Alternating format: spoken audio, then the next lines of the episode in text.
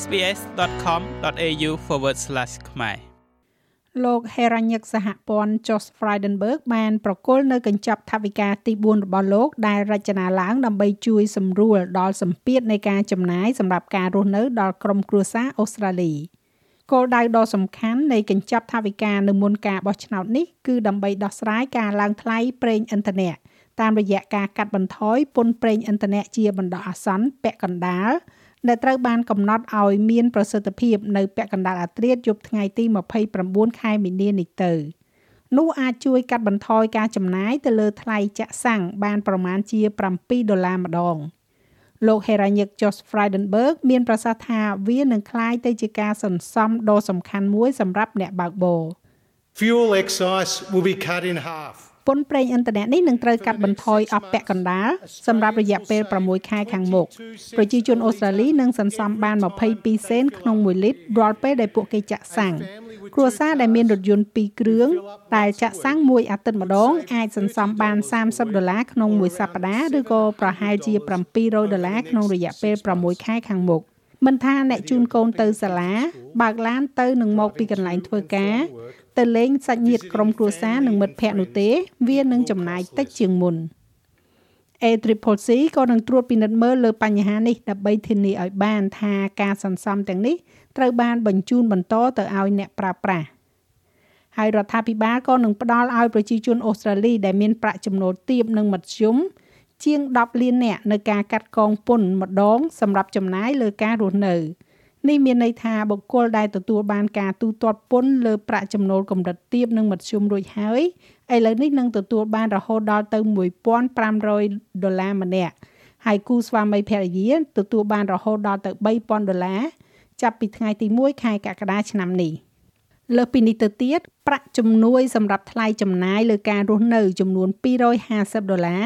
នឹងផ្ដល់ជូនក្នុងរយៈពេលប្រមាណសប្តាហ៍ទៀតទៅឲ្យអ្នកចូលនិវត្តន៍ pensioner អ្នកមើលថែទាំ carer អតីតយុទ្ធជន អ្នកស្វែងរកការងារធ្វើអ្នកចូលនិវត្តន៍ដែលមានប្រាក់ឧបត្ថម្ភដោយខ្លួនឯងដែលមានសិទ្ធិទទួលបាននិងអ្នកកាន់ប័ណ្ណសម្បទាននានាហៅថា concession card holder ឥឡូវនេះយើងក៏លេខមកមើលកញ្ចប់ថវិកាឆ្នាំ2022នេះមកលើបញ្ហាកម្មសិទ្ធិផ្ទះសម្បែងវិញ លោក Heranyck និយាយថាការដែលមានកម្មសិទ្ធិផ្ទះសម្បែងគឺជាផ្នែកដ៏សំខាន់មួយនៃគោលនយោបាយរបស់រដ្ឋាភិបាលចម្រុះលោកបានកោតសរសើរចំពោះគម្រោងរបស់រដ្ឋាភិបាលដូចជា Home Builder Scheme, First Home Super Saver និង Home Guarantee Scheme ដែលជួយប្រជាជនអូស្ត្រាលី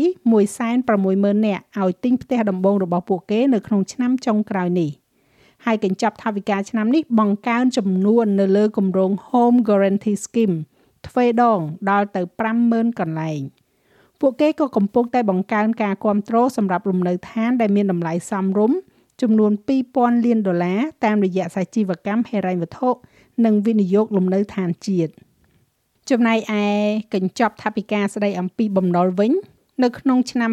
2022កំពុងតែព្យាករណ៍ថាមានភាពប្រសើរឡើងជាងមុនចំនួន 103.6ពាន់លានដុល្លារនៅក្នុងសមតុល្យសាច់ប្រាក់មូលដ្ឋាន ក្នុងរយៈពេល5ឆ្នាំខាងមុខ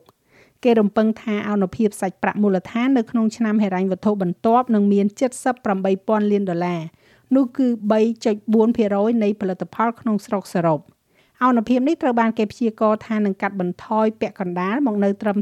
43,000លានដុល្លារនៅឆ្នាំហិរញ្ញវត្ថុ2025-26ហើយបន្តធ្លាក់ចុះបន្ទាប់ពីនោះ។ លោកហេរ៉ាញឹកមានប្រសាសន៍ទៀតថាវាគឺជាជំពូកថ្មីនៃរឿងសេដ្ឋកិច្ចរបស់ប្រទេសអូស្ត្រាលីក្រោយចេញពី COVID-19 The deficit for 22-23អនុភាពសម្រាប់ឆ្នាំ2022-23ត្រូវបានគេរំពឹងថានឹងមាន78,000លានដុល្លារឬក៏3.4%នៃផលិតផលក្នុងស្រុកសរុប។ ក្នុងរយៈពេល3ឆ្នាំខាងមុខនេះនឹងប្រសើរឡើងជាងពាក់កណ្ដាលទៅ1.6%បំណុលសុទ្ធតែជាចំណែកនៃសេដ្ឋកិច្ចរបស់យើងនឹងឡើងដល់ចំណុចកំពូល33.1%នៅថ្ងៃទី30ខែមិថុនាឆ្នាំ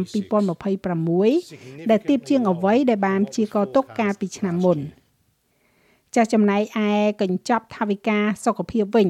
លោកហេរ៉ាញឹកនិយាយថាបកសម្ព័ន្ធបានបញ្ញាចិត្តក្នុងការបន្តផ្ដល់មូលនិធិដល់ Medicare ជាមួយនឹងការវិនិយោគចំនួន133,000លានដុល្លារក្នុងរយៈពេល4ឆ្នាំរដ្ឋាភិបាលបានបង្កើនថវិកាសម្រាប់មន្ទីរពេទ្យជិត10000លានដុល្លារចាប់តាំងពីថវិកាចុងក្រោយរហូតដល់ទៅជាង28000លានដុល្លារ គេព្យាករថាការវិនិយោគនៅក្នុងមន្ទីរពេទ្យនឹងកើនឡើងដល់ទៅជិត33,000លានដុល្លារនៅឆ្នាំហិរញ្ញវត្ថុ2025-26រដ្ឋាភិបាលក៏កំពុងរៀបចំផែនការបង្កើនការវិនិយោគនៅក្នុងតំបន់ជនបទរួមទាំងការកាត់បន្ថយថ្លៃចំណាយនៃសេវា MRI សំខាន់សំខាន់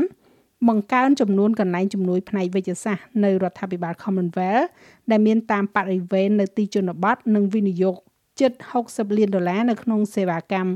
Royal Flying Doctor Service ក្រុងការអត្ថប្រយោជន៍ឱសថ PBS នឹងឃើញការវិនិយោគចំនួន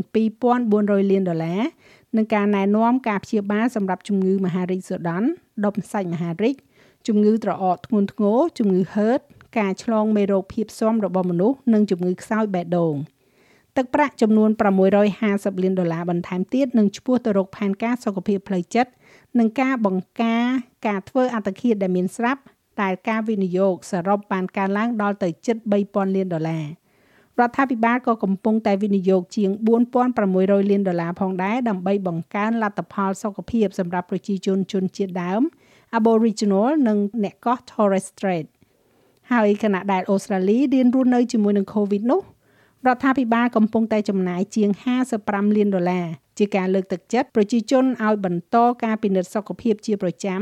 ការពិនិត្យរោគរោគវិនិច្ឆ័យនិងសកម្មភាពសុខភាពបង្ការជំងឺផ្សេងផ្សេងទៀតចាស់ហើយរបាយការណ៍នេះចងក្រងឡើងដោយ Great DS និងប្រែសម្រួលជាភាសាខ្មែរដោយនាងខ្ញុំហៃសុផារ៉ានីចូលចិត្តអ្វីដែលអ្នកស្ដាប់នេះទេ Subscribe SBS ខ្មែរនៅលើ Podcast Player ដែលលោកអ្នកចូលចិត្ត